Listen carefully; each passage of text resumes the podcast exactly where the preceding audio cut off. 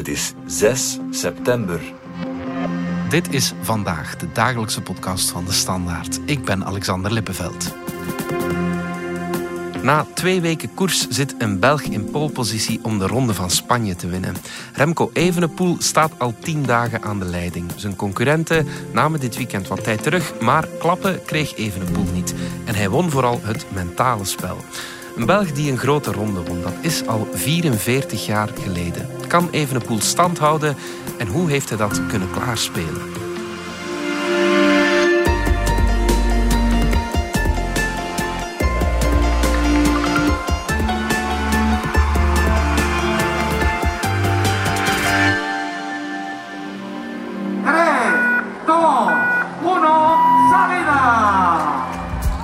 Ik ben al een uh, paar dagen in een soort van permanente stress. This week, Belgium is in a frenzy. Want er staat toch iets uh, strafs te gebeuren voor de Belgische wielerliefhebber. Remco Evenepoel dominates the opening block of La Vuelta. But will he hang on? Benedict van Klooster, uh, wielerjournalist Remco Evenepoel, kan deze week de Vuelta winnen. Dag Alexander, ja, we zijn inderdaad de avonturen aan het beleven in Spanje van de jonge man die destijds is binnengehaald als ja, zeg maar de messias voor het Belgische ja. rondewielrennen. Ja, ja, ja. En daardoor ook, mede ook door zijn uitgesproken persoonlijkheid, niemand onberoerd laat. um, het begon eigenlijk twee weken geleden als een soort ontdekkingsreis, maar het begint meer en meer een uh, veroveringstocht te worden. Ja. Waarbij de betrokkenen zelf, in tegenstelling tot jij en ik, misschien er uh, opvallend kalm bij blijft. Ja, ja absoluut. Hij blijft uh, heel kalm. El belga ha sabido sufrir y resistir en la última subida y llega a la semana final con 1 minuto y 34 segundos sobre Roglic y 2 minutos 1 segundo sobre Enric Mas. Aresman is ahora octavo. Het is al van 78 geleden dat een Belg nog eens een grote ronde won. Het is dus vrij uniek dat hij nu in die positie zit. Um, ik neem aan dat jij toen ook nog niet geboren was. Hè? Toch niet dat ik mij herinner. um, het begrip historisch wordt in de media heel vaak gebruikt en misbruikt. Maar deze keer zou het wel op zijn plaats zijn natuurlijk. Of toch vanuit Belgisch wielerperspectief. Ja. Het is 44 jaar geleden dat een Belg een grote ronde won met Johan de Munk in de Ronde van Italië in 1978. Mm. Voor een wielerland als België is dat ongezien lang. Uh, om niet te zeggen misschien een beetje beschamend zelfs. Laat ons uh, nu nog even het uh, relaas van die Vuelta tot nu toe schetsen. Twee weken is hij bezig. Aan de start leek Primoz Roglic de topfavoriet. Drievoudige winnaar natuurlijk. En in het begin leek hij ook wel dominant. Hè? Dominant is misschien veel gezegd, maar hij was inderdaad de man die vooraf vijf sterren kreeg toebedeeld. En op basis van zijn palmarès was dat logisch ook. Al had hij voor de start pas eigenlijk heel laat zijn deelname bevestigd, slechts enkele dagen voor de start in Utrecht. Mm-hmm. Er waren er dan eigenlijk ook wel wat twijfels over zijn staat van paraatheid. Door zijn val in die kasseirit in de Ronde van Frankrijk en het rugletsel dat hij daaraan had overgehouden, was zijn voorbereiding van Roglic zeker niet optimaal. Mm-hmm. Maar het was dan wel mooi meegenomen dat hij met Jumbo-Visma meteen die openingsploegentijdrit won. Ja. Met eigenlijk ook nog verrassend grote tijdsverschillen die eerste dagen daarna slaagde hij er ook om de plichtplegingen die zo'n rode leiderstrui met zich meebrengt over te laten aan zijn ploegmaats. Mm-hmm. Maar dan bij de eerste aankomst op een heuvel pakte hij meteen ook weer uit met zijn handelsmerk, een uh, sprint bergop. Ja. En iedereen dacht toen, ja, Roglic die is in orde. Um, hij zat toen al in het rood met 27 seconden voorsprong op Evenepoel, die op dat moment zesde stond in de stand. Ja, ja, ja. dat was op dag vier dat uh, Roglic die trui Klopt, pakt. ja. Maar twee dagen later, uh, ja, hij was eigenlijk een dag later al kwijt, maar twee dagen later was er misschien het eerste sleutelmoment voor uh, Evenepoel. Hè? Op dag 6 was dat toen, hadden we die eerste aankomst bergop op de Pico Gano. En een eerste aankomst bergop in een grote ronde is altijd een belangrijke waardemeter. Ja. En daar heeft Evenepoel toen al op een kilometer of acht, meen ik mij te herinneren, van de finish het heft in handen genomen. En was uiteindelijk Enrik Mas de enige die toen nog in zijn uh, spoor kon blijven. Ja. Evenepoel moest daar nog de ritzege laten aan de ontsnapte Australiër Vine. Maar hij veroverde daar wel al de leiderstrui.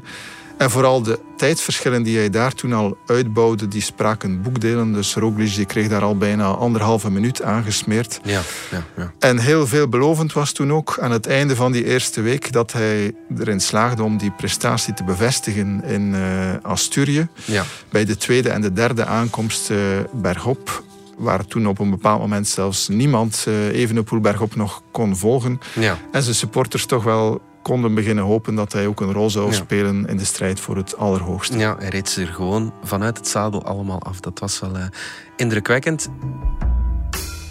He's now unleashed the beast. He's offloaded Mas as well, the last one who could cling on. Even a pull. He said he'd take opportunities. This is one, and he's grabbing it with both hands. Ah. En dan moest de tijdrit nog komen die hij won. Ja, op zich was die overwinning misschien wel minder een openbaring dan zijn prestaties in het hooggebergte. Al is dat natuurlijk van hieruit makkelijker gezegd dan gedaan. Ja. Maar wat ik bedoel is dat ja, Evenepoel bij de profs eigenlijk al wereldtop in het tijdrijden was sinds zijn debuutjaar 2019. Mhm. Toen hij al Europees kampioen werd en op het podium stond op het wereldkampioenschap tijdrijden. Opmerkelijk was vooral dat hij in die tijdrit de tweede, Primoz Roglic, ook daar weer op een grote achterstand zette. Es un animal, va a reventar el crono. 48 segundos mejor que el esloveno. 48 seconden was toen het verschil. 48 seconds over Primoz Roglic. 48? Well, that's, that's a big surprise. Uh... Die toch ook wel goed kan tijdrijden. Uh, ja, we spreken, we spreken over de Olympische kampioen in die discipline. Ja, yeah, I mean, uh, I knew I just had to push like one power all the time because it's flat with a super hard finish. And uh, well, my legs were so heavy on this last bump. It was actually really, really hard, but um, super nice to win this town trial in the red jersey. It's an amazing feeling. Na afloop van die tijdrit verklaarde Evenepoel toen dat hij geen verstoppertje meer kon spelen en dat hij ja, zou proberen om die rode leiderstrui naar Wevelgem te brengen, waar het hoofdkwartier is van uh, Quickstep. Ja, Terwijl hij voordien altijd bleef beweren dat een, het grote doel een top 10 plaats was in Madrid. Ja. Al zal hij, ambitieus als hij is, stiekem natuurlijk wel altijd ook zelf op meer hebben gehoopt, neem ik aan. Ja, ja. Evenepoel heeft nu een voorsprong van een minuut en 34 seconden op de nummer 2, Primoz Roglic. Voor het weekend was dat nog een minuut meer, uh, ongeveer. Ja, dan zou ik toch denken dat ze hem stevig pijn hebben kunnen doen, hè, die uh, twee bergritten afgelopen weekend? Wel, tot voor dit weekend was Evenepoel bij de aankomsten bergop altijd als eerste geëindigd van de favorieten voor de eindzege. Want ook uh, in, in die vierde aankomst bergop van afgelopen donderdag, die we nog niet besproken hebben, waren alleen uh, Mas, Roglic en Ayuso erin geslaagd om hem te kunnen volgen. Mm -hmm. Maar dus ja, zaterdag op, um, in Andalusië eindigde hij pas tussen aanhalingstekens als zevende van, uh, van de favoriete groep. En ja. verloor hij dus ja, toch wel behoorlijk wat tijd op uh, Primoz uh, Roglic. En de hamvraag was toen eigenlijk of dat we getuigen waren geweest van een momentopname of dat met dat eerste barstje het begin was ingezet van het verval, zeg maar. Mm -hmm. En daarom ja, zou die rit van zondag, de koninginrit dan nog eens naar de Sierra Nevada, eigenlijk het uh, antwoord op die vraag brengen. Zondag moest uh, Evenepoel opnieuw wat tijd prijsgeven uh, aan zijn achtervolgers, maar hij was daar toch de morele winnaar. Want ja. ja, Evenepoel had in zijn carrière nog nooit een wedstrijd gereden die op zo'n hoge hoogte aankwam. Mm -hmm. En uitgerekend op dat onbekende terrein, waar hij in de Ronde van Zwitserland nog door het ijs was gezakt op hoge hoogte. En uitgerekend ook daags nadat hij een tik had gekregen, wist hij ja, meer dan de schade te beperken, zeg maar. Ja. En was hij zaterdag zijn aura van onoverwinnelijkheid en het daarmee gepaardgaande psychologisch overwicht misschien wat kwijtgespeeld, dan drukte hij zondag de tegenstand toch wel weer met de neus op de feiten. Ja. En zoals het er nu naar uitziet, was een mindere prestatie van zaterdag waarschijnlijk het gevolg van die valpartij die hij donderdag had gemaakt. Ja, ja inderdaad. Uh, nog wat uh, stijve spieren waarschijnlijk. Uh, dat is logisch ja, natuurlijk. Ja. Um, ik neem aan dat een wielerjournalist op dat moment, een Belgische wielerjournalist, op het puntje van zijn stoel zit, hè, Benedict. Dat denk ik wel, ja. Op dat moment, wij proberen natuurlijk zo neutraal mogelijk te kijken, maar... Och ja. Uiteraard, uh, zoals we in het begin zeiden, uh, dit zijn momenten die we nog in ons jonge leven uh, nog nooit hebben meegemaakt. Mhm. -hmm. dat een Belg in die fase van een grote ronde nog meespeelt voor de eindzege. Dus, ja, ja. Het valt mij op, Benedict, dat Evenepoel nog geen enkele echte aanval heeft moeten doen om die voorsprong die hij nu heeft uit te bouwen. Wel, het is zo als Evenepoel een versnelling plaatst bergop, dan doet hij dat niet op de manier van pakweg Richard Carapaz, eh, de Ecuadoriaan die al twee etappenzeges heeft gewonnen en die van achter de rug van de tegenstander wegkletst en echt een uh, bom gooit, zeg maar. Ja. Uh, maar Evenepoel is iemand die zich op kop zet van de groep, gaandeweg dat tempo optrekt en ja, zo'n hoge wattages produceert dat op den duur die tegenstand uh, in zijn wiel kraakt. Hij rijdt eigenlijk als een, een tijdrijder bergop, zeg maar. En hij versmacht zo zijn wurgslang, zeg maar. Ja. Maar het is nu ook niet zo dat Evenepoel zich heeft beperkt tot volgen of passief heeft gekoerst. Hè, want, nee, nee, uh, dat ja. natuurlijk niet. Ja. Ja, Maar het is toch een heel vermoeiende manier om je concurrenten dood te knijpen, of niet? Hij benut zijn karakteristieken optimaal. Mhm. Hij ja, heeft minder die punch om echt een uh, demarrage te plaatsen in de stijl van sommige andere pure Ja. klimmers misschien. Maar hij is een, een geboren tijdrijder, hebben we al gezegd. Ja, en ja, uh, ja, dat is de manier waarop hij uh, de rest eh, uitput en uiteindelijk eh, doodknijpt. Ja, ja, ja. Is de rest gewoon te zwak? Wel, de absolute toppers in het rondewerk, die heten momenteel naar de namen uh, Tadej Pogacar en Jonas Vingegaard hebben we gezien in de afgelopen ronde van Frankrijk. En die zijn natuurlijk niet aanwezig. Mm -hmm.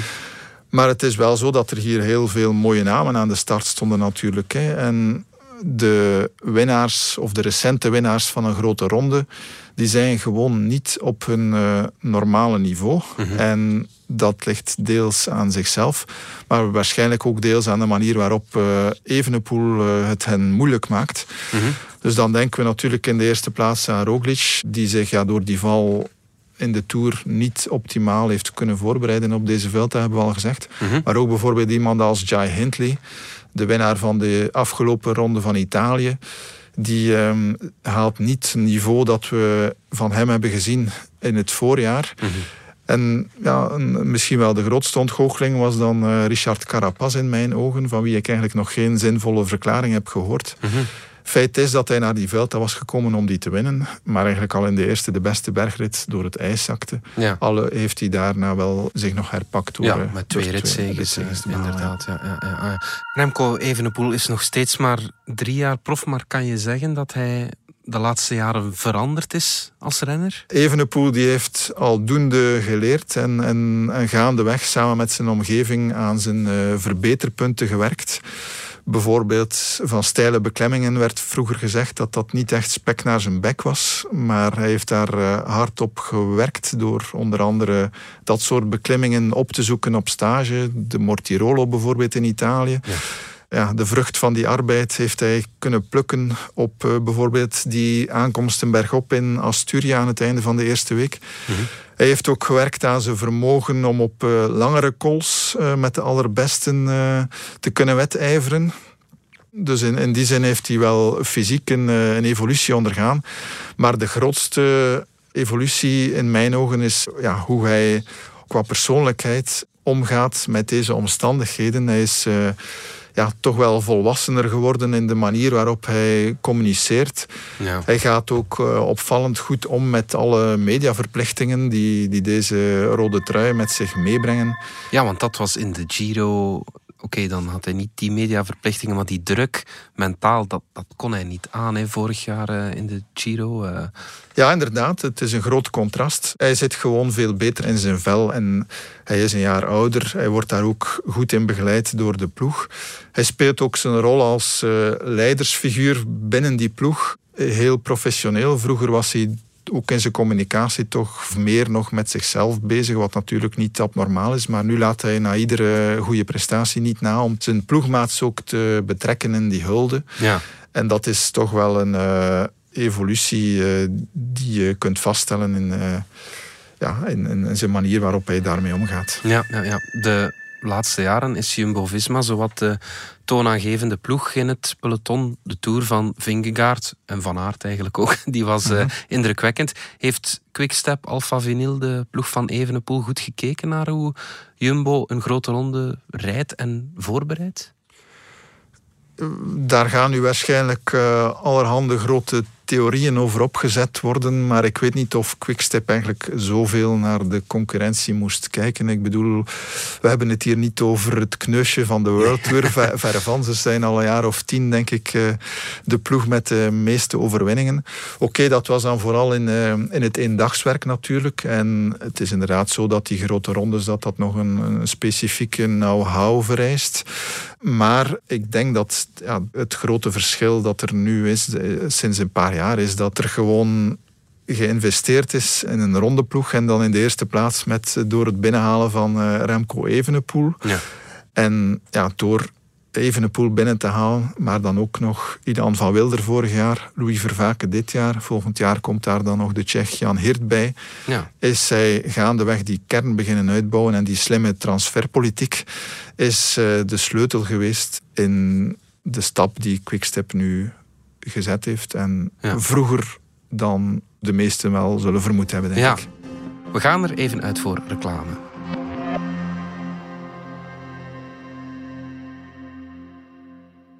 Wil jij je passie omzetten in Lego-stenen? En wil je iets verwezenlijken? Met je eigen handen. Het plan uitvoeren, blad na blad, stap voor stap. Super gefocust. Je bent in het moment. En je ziet het voor je ogen groeien. Lego bouwplezier. Dat is toch het schoonste wat er is? Wil jij ook je passie omzetten in Lego plezier? Zoek dan snel op Lego sets voor volwassenen.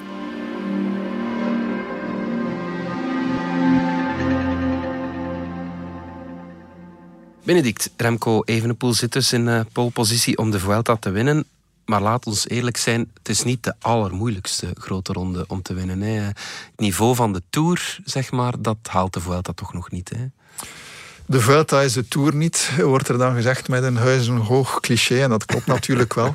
Ja. En zeker ook deze Vuelta niet, moeten we er dan toch eerlijkheidshalve aan toevoegen. We hebben eigenlijk... Uh, ja, in deze Vuelta in totaal, ik heb het even uh, opgeteld, een uh, kleine 47.000 hoogtemeters, wat natuurlijk nog altijd indrukwekkend is. Ja. Maar uh, in de voorbije jaren zaten we vaak ja, bijna 10.000 hoogtemeters nog meer aan het eind.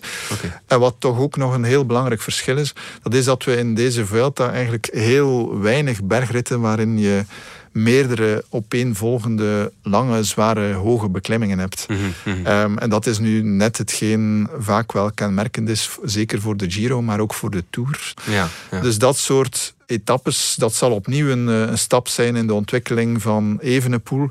En daar gaan we opnieuw de vraag stellen op voorhand van, gaat hij dat overleven? Maar hoe je het ook draait of keert, of hij nu wint of niet deze Vuelta, hij lijkt wel klaar voor het echte grote rondewerk. Hè? Ja, de Vuelta blijft natuurlijk de tweede of de derde, afhankelijk van hoe je het bekijkt, eh, grote ronde. Dus dat is natuurlijk een geweldige prestatie. En zelfs al wint hij nu niet, dan nog uh, draagt deze prestatie de kiem in zich van een heel mooie toekomst natuurlijk. Mm -hmm. En toen Evenepoel zelf nog bij de junioren koerste, dus dat is nog niet zo lang geleden, toen uh, verkondigde hij eigenlijk al de ambitie dat hij ooit alle drie de grote ronden wilde winnen. Iets waar eigenlijk in de hele geschiedenis van de wielersport slechts zeven renners zijn in geslaagd. Okay, dus die woorden die kwamen toen op dat moment nogal grootsprakerig over. Maar persoonlijk heb ik mezelf al een paar jaar geleden ingeprent om nooit nog te beweren dat er iets onmogelijk is voor Remco Evenepoel. Ja, Zo onwaarschijnlijk is zijn talent. Dus jij gelooft erin dat hij ooit de Tour zou kunnen winnen? Ik geloof wel dat hij een grote ronde kan winnen. Um, ja, en, en, Houd even het hout vast, dan, ja, ja, dan zijn we zeker. Maar tussen, maar tussen de Vuelta en de Tour, dat zullen we toch nog moeten zien natuurlijk. Uh, de kans dat het niet lukt om die Tour te winnen is natuurlijk nog altijd veel groter dan dat het wel lukt.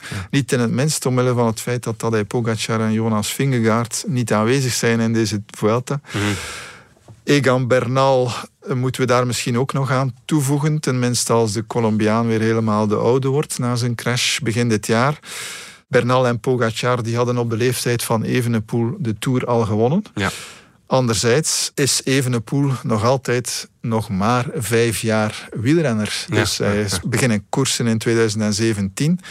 Daarbij komt nog een, eh, een andere factor. En dat is dat de aanwas van jong talent in het wielrennen tegenwoordig zo groot is dat de machtsverhoudingen heel snel evolueren. Dus we moeten opletten van uh, grote conclusies te maken. Want hoeveel mensen hadden er bijvoorbeeld twee jaar geleden al van Jonas Vingegaard Ja, gehoord? inderdaad. Ja. Laat ons even nog kijken naar de komende Vuelta-week, want er zijn nog zes ritten natuurlijk. Waar liggen de moeilijkheden nog voor Evenepoel? Maar wat voor mij een van de sleuteletappes is, dat is die voorlaatste rit van komende zaterdag. Dat is namelijk de enige rit van deze editie waarin we een opeenvolging krijgen van beklimmingen in het hooggebergte. Ja. Met weinig eh, valleiwerk ook tussenin. Waarbij dan de finish ligt bovenop eh, de Navacerrada. Dan zijn we ten noordwesten van Madrid.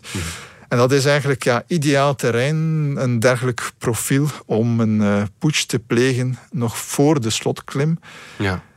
Ploegmaats voorop te sturen en dan met de hulp van die mannen uiteindelijk nog een eh, Ja, lange rit op te zetten en eventueel het klassement nog op zijn kop te zetten. Pronostiekje, Benedict, haalt hij het of niet? Ik denk dat het er inderdaad wel, eh, zeker na die mentale overwinning die hij zondag heeft behaald, goed uitziet. Ja. De vraag is in hoeverre Mas en Roglic zelf nog geloven in die eindzege. Ik vond hun in hun commentaren zondagavond niet zo heel overtuigend, eerlijk gezegd. Anderzijds blijft het natuurlijk zo dat er nog meer dan 100 kilometer bergop moet worden gereden. Goed voor een 14.000-tal hoogtemeters. Elf beklimmingen in totaal. Dus het eh, gevaar schuilt achter elke hoek. Maar er tekent zich dit jaar een tendens af in de grote ronden.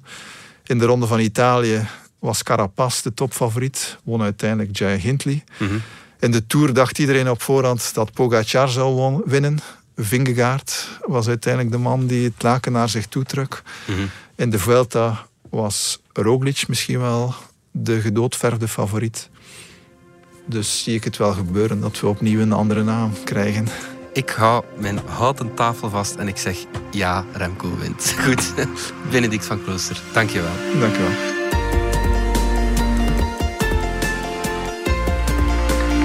Dit was vandaag de dagelijkse podcast van De Standaard. Bedankt voor het luisteren.